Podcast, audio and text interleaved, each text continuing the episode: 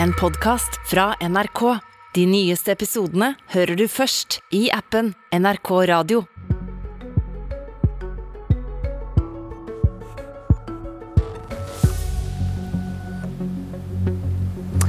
Landsmøtet på høsten betyr vanligvis at noe er galt. Lederen har gått av, det er krise i partiet. Guri Melby, leder i Venstre, velkommen til Politisk kvarter. Takk. Vi står i din landsmøtesal på et hotell på Gardermoen. Du åpner eh, Venstres landsmøte om noen timer. Hvorfor har dere landsmøte på, på høsten? Vi kan være enige om at det er bedre å være i en bunkers på Gardermoen i oktober enn i mai, kanskje. Nei, men først og fremst så handler det om at altså, vi er et parti som ikke er redd for å prøve noe nytt. Det må jo gjelde oss sjøl òg. Så vi må jo kunne se på altså, hvorfor har vi gjort ting som vi gjør det. Kan det være en fordel for et lokalvalg at vi blir enige om en politisk plattform i god tid før valget faktisk er, sånn at våre lokale partier rundt omkring i hele landet kan bygge sin politikk på en felles plattform. Så målet med det landsmøtet her, det er å gjøre Venstre tydeligere, mer gjenkjennelig. Vite at hvis du stemmer på Venstre over hele landet, så er det et parti som satser på klima, på kunnskap, på skole, og at det er noe du vet at du får uansett hvor du stemmer Venstre. Og så Et annet mål som du snakket om tidligere denne uka, var at Venstre vil ha makt og vil tilbake i regjering. Og I VG i dag så utpeker du Arbeiderpartiet og Senterpartiet som Venstres hovedmotstander. Eh, hvem står du nærmest politisk? Støre eller Listhaug? Jeg er ikke så veldig opptatt av personene i den sammenhengen. her. Jeg er opptatt av hva slags politikk de fører. Da sier vi Arbeiderpartiet og Fremskrittspartiet. Hvem står du nærmest politisk? Den politikken som Arbeiderpartiet og Senterpartiet nå fører i regjering, står i hvert fall veldig langt unna den politikken som jeg står for. Eh, vi er i en eh, ny sikkerhetssituasjon. Vi har to partier som ikke tør å ta opp vår internasjonale politikk på ny. ikke tør å ta en debatt om vår tilknytning til EU, selv om EU nå har blitt utrolig mye viktigere for Europas sikkerhet. Vi har to partier som akkurat har lagt fram et statsbudsjett som ikke viser at de forstår at vi har en klima- og naturkrise, som ikke greier å kutte utslipp sånn som vi vi må.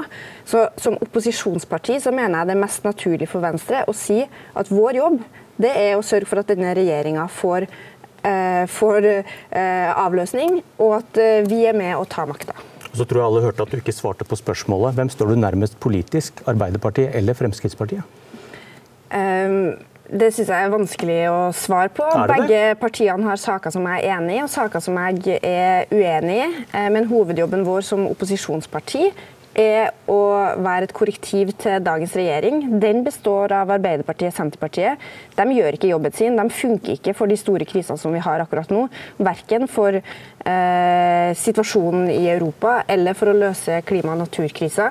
Heller ikke for å bidra til en satsing på skole etter to-tre veldig vanskelige år i skolen. Så det er to partier som sitter med makt, som har helt feil prioriteringer. Det mener jeg vi bør fokusere på som et opposisjonsparti. Ok, men Til Aftenposten da, tidligere denne uken eh, så snakker du om de to største krisene. Det er i sikkerhetspolitikken og i klimapolitikken. Og du vil ha en kamp mot det du kaller populistisk lettvinthet. Og da peker du på ytterfløyene, på Rødt og på Frp. De løper Putins ærend. Men så er plutselig Arbeiderpartiet hovedmotstander. En av de sakene må være fake news. I hvilken sak snakker du egentlig sant? Eh, som sagt så er det Arbeiderpartiet som i dag sitter med makt, som gjennomfører en politikk som vi er veldig uenige om. Men vil står, ikke snakke om Frp? Jeg står for det jeg mener at både Frp og Rødt i mange saker fører en svært populistisk retorikk som jeg mener er farlig, som jeg mener splittende.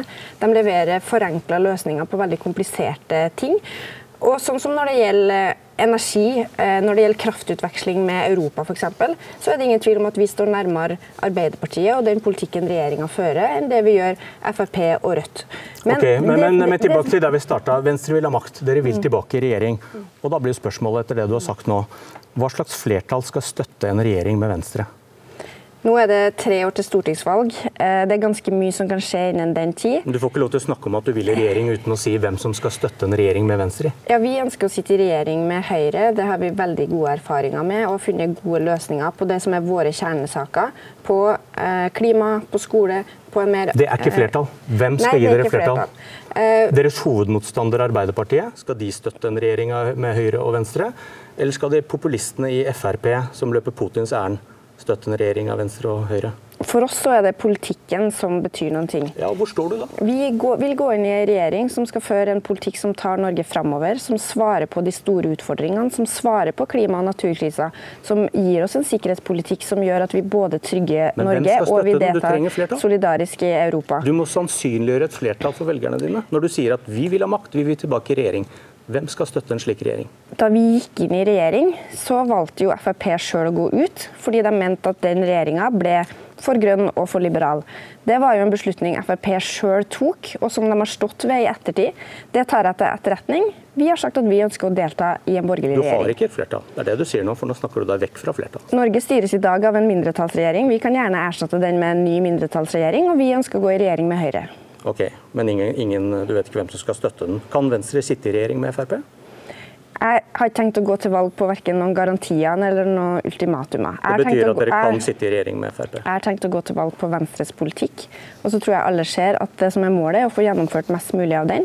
Og vi kan sammen med de partiene som gir oss en framoverlent politikk som svarer på framtidas utfordringer, som svarer på klima- og naturkrisa, som gir oss en skole som gir alle elever motivasjon og mestring. Eh, det er den regjeringa Venstre okay. ønsker seg. Visste du at dette var FrPs faste landsmøtehotell? Nei, det visste ikke jeg. Nei. Jeg trodde de pleide å være på hell i Trøndelag. De er veldig ofte her. Okay. Tung, tung, symbolikk. Ja. du, vi, skal, vi, skal, se litt på, på, den saken du har snakket aller mest om i år. Mm. Eh, det er krig mm. i Europa. Men du har fått kritikk for å forsøke å utnytte krigen til å fiske velgere. Mm. Er det noen utspill du angrer på? Nei, det er det faktisk ikke. Um, Angret du ikke her om dagen, da?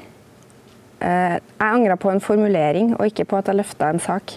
Jeg angra på måten vi formulerte spørsmålet om hvor god kontroll vi hadde over rørledningene våre i Nordsjøen. Uh, men jeg er veldig glad for at jeg løfta det på dagsordenen, og jeg syns også jeg fikk et veldig godt svar fra statsråden.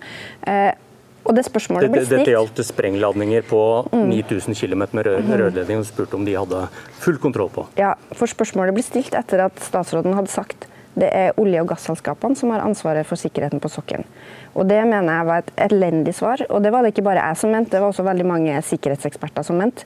Og Det var på det tidspunktet at vi stilte spørsmålet. Vi ønska å vite at regjeringa hadde kontroll, at de tok sikkerheten på alvor.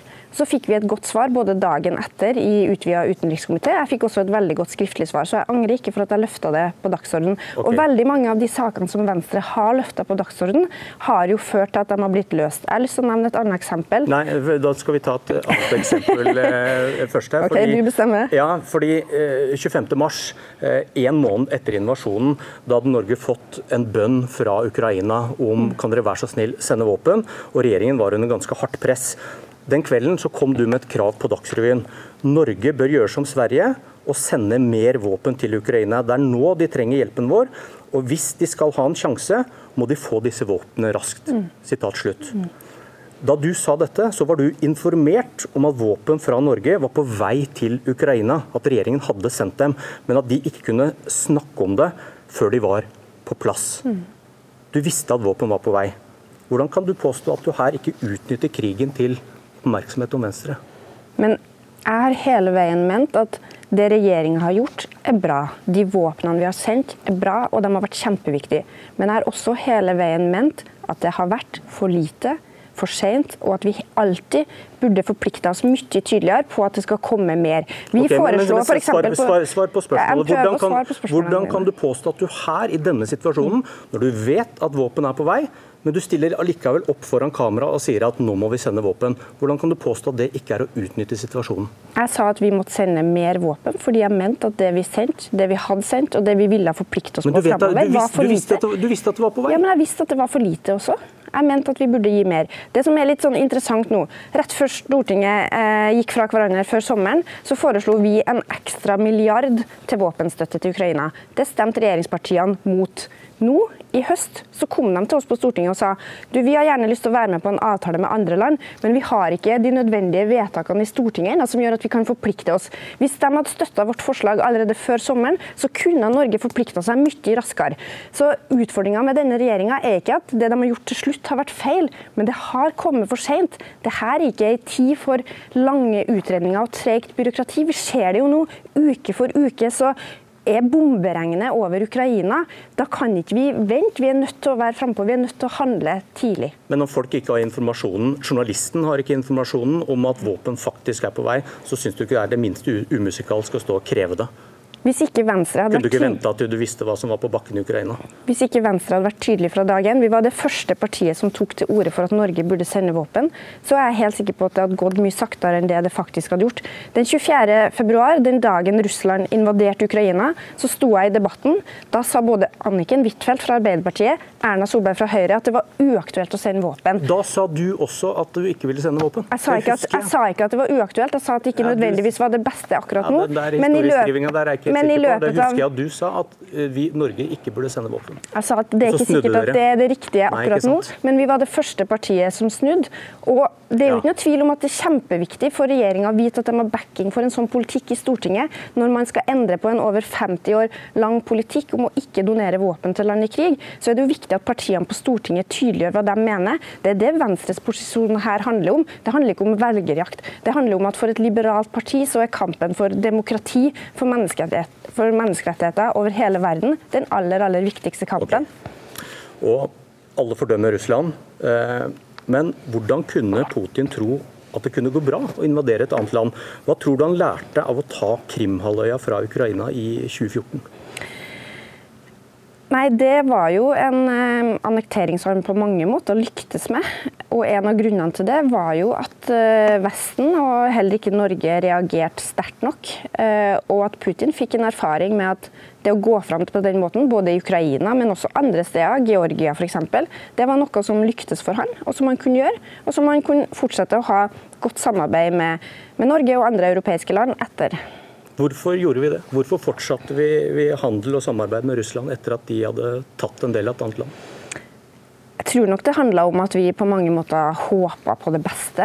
Og at for oss så tror jeg det er vanskelig å forstå hva en type autoritær diktator som Putin faktisk tenker. Det at han kan være villig til å gå så langt som han gjør, det å gjennomføre den type irrasjonelle handlinger som han gjør, tror jeg var, har vært vanskelig for oss å se for oss. Så jeg tror nok at vi hadde håpa at både Putin han har, jo, han har jo tatt Krim. Hvorfor var det ikke fullt med alle de sanksjonene som man legger på bordet nå? Hvorfor fortsatte vi å handle med dem? Nei, altså Venstre tok jo også da til orde for at vi burde ha sterkere sanksjoner mot Russland, mot Putin, nettopp fordi at vi så at de hadde jo ikke ønska effekt. De hadde jo mange muligheter til å omgå de sanksjonene. Og som du sa, Norge har på mange måter opprettholdt samarbeid, handel, på akkurat samme vis som før 2014.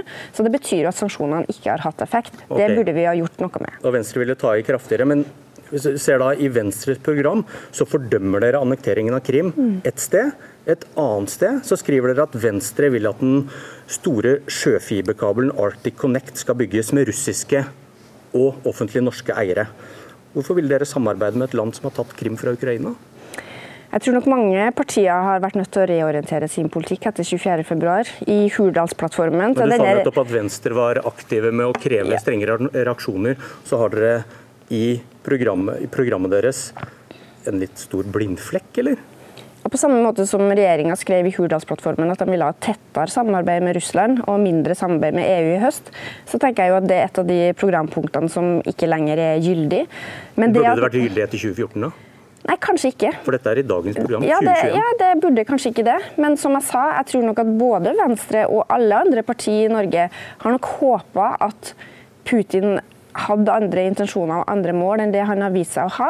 Og vi kan kalle det naivt, eh, men jeg tror det er viktigere nå å tenke på hvordan vi håndterer det her framover, enn å snakke om hva vi gjorde i går. For jeg tenker at alle okay. partier må erkjenne at vi har gjort mange feil. Apropos det, mener du vestlige våpen som vi nå sender til Ukraina, bør kunne brukes til å gjenerobre Krim? Som Putin ser på som russisk? Ja, det mener jeg. Eh, det at Ukraina nå eh, har tatt kampen også om disse områdene, som Putin ulovlig har annektert, som ikke er anerkjent av det internasjonale samfunnet, jeg mener åpenbart at de har full mulighet til å bruke våpnene også der. Hvordan tror du Russland vil reagere på det, på det de mener er, og som dere og eh, liksom, det internasjonale samfunnet har akseptert nesten er russisk? Vi har jo ikke akseptert at det er russisk. Vi har jo slått fast at vi fordømmer annekteringa av Krim. Og det er jo ikke godkjent av noe internasjonalt organ. Så i både Norge og resten av verdens øyne så er jo Krim ukrainsk. Og det betyr også at Ukraina har mulighet til å beskytte det landet og prøve å ta det tilbake. Godt landsmøte, Guri Melby. Tusen takk.